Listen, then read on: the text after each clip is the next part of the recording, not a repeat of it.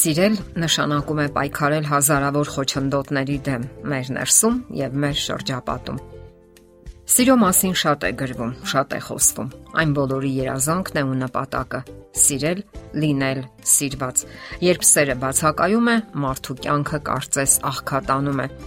Երբևէ մտածել եք, թե ինչ զորություն է թաքնված սիրո մեջ։ Այն պարզապես վերափոխում է մեր կյանքը եւ իմաստ ու նպատակ հաղորդում։ Սերն ապրեսնում է։ Իսկ ահա սիրուց զրկված մարդիկ ավելի վհատ են եւ պակաս կենսուրախ։ Կանայք հատկապես ծանր են տանում սիրո բացակայությունը կամ անբավարարությունը հանուն սիրո նրանք շատ բանի են պատրաստ։ Գնում են զիջումների, հրաժարվում են իրենց սկզբունքներից։ Տղամարդիկ եւս կարող են ունենալ սիրո անբավարարության հիմնախնդիր։ Իսկ ինչ վերաբերում է երեխաներին, ապա սիրո անբավարարությունը պարզապես կործանարար է նրանց համար։ Մեծահասակների բազմաթիվ հիմնախնդիրներ սերտորեն կապված են այն բանի հետ, որ նրանք ժամանակին տարապել են սիրո անբավարարությունից։ Հարցն այն է, որ մեր առողջությունը սերտորեն կապված է մեր հոգեբանության հետ։ Շատերն են վկայում այդ մասին։ Սերտ ջերմ փոխհարաբերությունները հարազատ մարդկանց միջև ստեղծում են դրական մթնոլորտ, որն իսկապես երկար ու առողջ կյանք է ապարգևում մարդկանց։ Այն մարդիկ, ովքեր ապրում են համերաշխ ընտանիքներում, կայուն բարյացակամ հարաբերություններ են պահպանում շրջապատի հետ, ունեն լավատեսական հայացքներ ապագայի հանդեպ, անհամեմատ ավելի քիչ է հիվանդանալու հավանականությունը այն մարդկանց համեմատ, ովքեր ապրում են փակ կյանքով։ Ընդ որում խոսքը ամենատարբեր հիվանդությունների մասին է՝ քաղցկեղ, ինֆարկտ, դիաբետ եւ նույնիսկ բացիլային հիվանդություններ։ Եթե մի 30 տարի առաջ մեկն ասեր, որ միայնությունը կարող է ծանր հիվանդության պատճառ հանդիսանալ, նրա վրա կծիծաղեին եւ բժիշկները եւ շրջապատի մարդիկ։ Սակայն վերջին տարիների հետազոտությունները համոզիչ ապացուցում են, որ կապ գոյություն ունի միայնակության եւ քրոնիկական հիվանդությունների միջեւ։ Ստացվում է, որ շփման, սիրո եւ հոգեկան սատարման անբավարարությունը կամ բացակայությունը կապ ունի քաղցկեղի աճի կամ պսակաձև անոթների ախտահարման հետ։ Շփման հիմնախնդրով զբաղված հոգեբանները նշում են, որ երբ մարդը ինչ որ հանգույցներով կապված է այլ մարդկանց հետ, ավելի պատասխանատու է ոչ միայն այդ մարդկանց հանդեպ, այլ նաև հենց իր հանդեպ։ Այս դեպքում սկսում են ճիշտ վարվել եւ մարդկանց հետ եւ իրենց հետ։ Նրանք ավելի լավ են սնվում, ավելի քիչ են ալկոհոլային խմիչք օգտագործում, խուսափում են ռիսկ պարունակող արարքներից։ Շփումը նաեւ թույլ է տալիս, որ նրանք ավելի հեշտ հաղթահարեն սթրեսները։ Տեխասի համալսարանի պրոֆեսոր Ջեյմս Փենեբակերը նկատել է, որ այն մարդիկ, ովքեր շրջապատի հետ կիսվում են իրենց հոգսերով ու տագնապներով, օգտվում են նրանց հոգեկան սատարումից, ավելի բարձր իմունային կարգավիճակ ունեն։ Իսկ իմունիտետը օրգանիզմի պաշտպանական հակազդեցությունն է ամենատարբեր վարակների հանդեպ։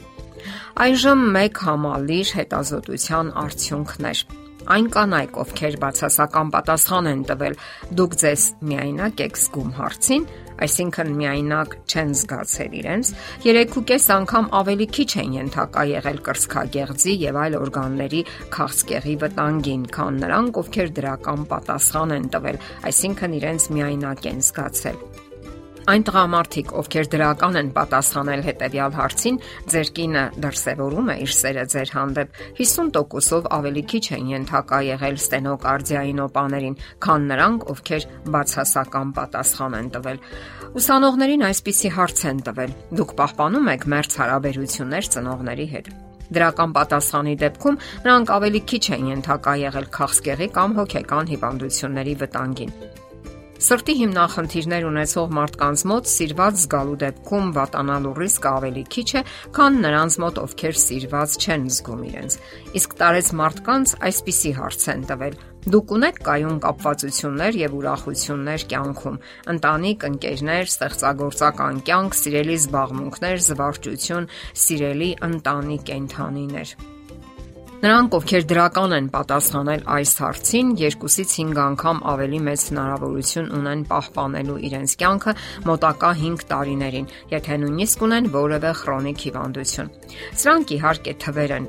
սակայն թող օգնեն գնահատելու հարազատ մարդկանց ներկայությունը ձեր կյանքում։ Եղեք նրանց հենարանը եւ լավագույն դեղատոմսը կյանքում։ Սիրեք նրանց եւ նույնն էլ դուք կստանաք։ Եվ դա լավագույն դեղամիջոցն է սիրել ապրելու համար, եւ սրանք հենց այնպես ասված խոսքեր չեն։ Սերը, գնահատանքն ու կապվածությունը կարող են երկար եւ առողջ կյանք ապարգևել ձեզ։ Եթե ունեք հիմնախնդիրներ, մտորեք ձեր կյանքի շուրջ։ Ինչն է որ բացակայում է այնտեղ։ Միգուցե հենց սերը Տվեք այն առատորեն եւ մի ափսոսացեք։ Մի մտածեք, որ մարդիկ արժանի չեն ձեր վերաբերմունքին։ Տվեք եւ այն լիովին հետ կվերադառնա։ Հնարավոր է նույնիսկ երբեմն հետ չստանաք այն, սակայն դա ողբերգություն չէ, եթե ինքներդ կարողանում եք սիրել։ Սերը ապրելու նոր լիցքեր կհաղորդի ձեր կյանքին եւ իսկապես կվերակենդանացնի ձեզ տվեք այն ձեր ընտանիքին, շրջապատին եւ ում որ միայն հնարավոր է, նույնիսկ այն մարդկանց, ում դժվար է սիրել